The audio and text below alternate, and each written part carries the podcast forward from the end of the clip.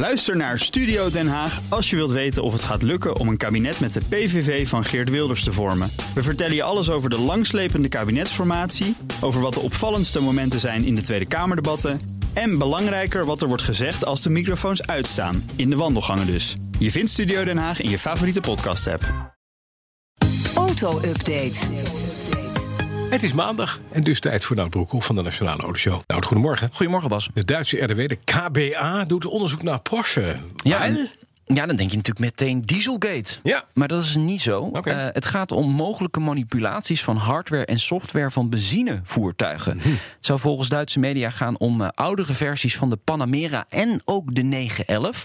De bouwjaren zijn niet bekendgemaakt. Ik denk dat jouw eh 911 wel veilig is, toch? 1975. Ja, er zit geen, er- software in, toch? Nou ja, nee, dus als je de, de, eh, tegen de deuren duwt, het is vrij zacht. Ja, dat is precies. wel software. Maar dat is de Ja. enige software die erin zit. Ja, precies. Er zouden ongeoorloofde eh, wijzigingen zijn aangebracht aan uitlaatsystemen en motoronderdelen nadat de modellen goedgekeurd waren door de KBA al. Dat mag natuurlijk niet. Eh, Porsche heeft dit ook zelf ontdekt en gemeld bij de KBA. Dat is dan wel weer goed. Die doet onderzoek. Heel veel meer is er nu nog niet bekend. Alleen ja, dat er heel nauw wordt samengewerkt met de autoriteiten.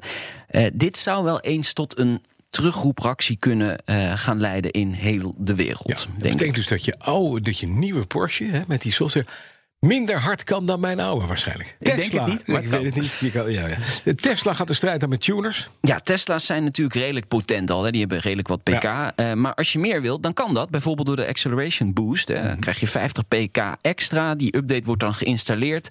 Kost 2000 dollar bij Tesla. Kan gewoon goedkoper. Er zijn allerlei bedrijfjes die dat doen. Die doen dat voor de helft van de prijs. Misschien nog wel goedkoper. Maar Tesla is daar natuurlijk niet blij mee. Eh, die geeft nu een waarschuwing op het grote scherm. Als je dat bij iemand anders laat doen. eh, met eh, de tekst dat er een potentieel risico op schade of uitschakeling van de auto is. Dus ja, de vraag die nu rijst is: van wie is deze auto eigenlijk? Is deze auto van Tesla? Of is deze auto gewoon van mij? Dat ik zelf beslis of ik er 50 pk extra in, zit, Echt, in zet of ja, niet. Het is een software dingetje. Ja, maar als Tesla gaat bepalen wat jij wel mag en wat jij niet mag met de auto. Dit is ook de strijd die gaande is nu eh, tussen autofabrikanten. Hè, van wie heeft nou, en de branche, eh, wie heeft nou het recht op, eh, op, eh, op updates in je auto bijvoorbeeld, op data in je auto. Ja. Hey, en dan gaat er gewoon een nieuwe Volkswagen Passat komen. Was er twijfel over dat dat een Arteon Ja. bestel zou worden of zoiets? Ja, toch wel een beetje eh, bericht eh, Autocar vandaag, Britse autosite. Er was intern discussie over de toekomst. Inderdaad, vanwege de Arteon, die doet het schijnbaar heel erg goed. En je hebt de ID, de nieuwe, het nieuwe submerk van eh, Volkswagen. Dat is eh, elektrisch.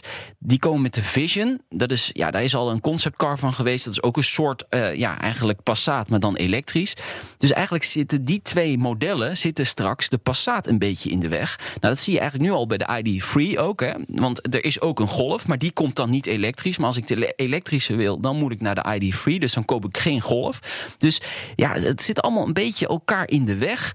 Maar dus toch groen licht gegeven voor de negende generatie van de Passat. En dat is eigenlijk ook maar logisch. Hè? Het is natuurlijk ergens wel een icoon, volgens mij. Absoluut, net als Ja. de Golf, ja. Ja, dus die moeten ze blijven maken. Over drie jaar komt hij op de markt. Ja, de- de- bij de Golf is dat wat anders gaan. Dan zou die al dit jaar op de markt zijn. Deze Ja. nog niet. Dat is, ligt aan. Maar er is dus een jaar discussie over geweest. Ja. Een jaar Of het discussie. nou Passat moest worden of Arteon. ja, bestel. of, of gewoon helemaal niks meer maken op dat vlak. Dus, ja, eh, maar ja. dat is toch wel... ja, ook een zichzelf respecterende pamper cruiser die wil zo'n ding hebben. Als je met dozen pampers rijdt, nou is Procter Gamble. Het is natuurlijk uiteindelijk gewoon een, ook een verbouwde Skoda. Die Eh, een ja. Super B. Ja, die precies. jet. Teleurstelling overheerst bij Rinus van Kalmthout. Ah, na Ja. de Indianapolis 500. Ja, hij lag natuurlijk even derde. Dat was hartstikke goed. Ja. En toen de, eh, brak de 63ste ronde aan. En toen ging het mis tijdens de pitstop. De muur. Zie je? Nou, dat was meer dan alleen motor afslaan. Hij raakte de muur bij de pitstop. Ja, nou, hij remt te laat eigenlijk. Ja. Waardoor hij eh, een- monteur aanrijdt ook eh, Ja, daar. bedankt. Krijgt hij natuurlijk een penalty voor, stop-and-go penalty. Ja, en dan is eigenlijk je race over. Dan ben je zoveel tijd kwijt. Eh, hij is uiteindelijk twintigste geëindigd. En hij zegt: Mijn ergste nachtmerrie werd werkelijkheid. Dit was een grote fout van mij. Ja, dat eh, kan ik heb een eh, collega onderschrijven. plat gereden. Ja. Hoe is het met de collega trouwens? Dat weet ik niet. Eh, maar ik heb ook geen berichten gelezen dat die collega zwaar gewond zou zijn. Ja, Dus, maar het is weer niet handig natuurlijk, hè? Nee, het is jammer. Hij is natuurlijk een rookie. Dus dit is, ja, een fout is natuurlijk snel gemaakt. Zeker in de Indy 500. Als je dat ziet, hè, hoe hard dat gaat. Dat is echt niet normaal, toch? En de winnaar was Takuma Sato. Ja, oud Formule 1 coureur natuurlijk. Ja, zeker. en eh, ja, die eh, verdient nog een lekker zakcentje bij in de Indy 500. Die, wat, wat win je eigenlijk? Volgens mij een fles melk, toch? Fles melk. Ja, Koude melk. koude melk. Moet je je voorstellen dat Takuma Sato... Je weet dat veel Japanners die hebben wat lactose-intolerantie. Ja. Die krijgt een fles melk aangeboden. Wat denk je dat hij daarmee gedaan heeft? Over zijn petje.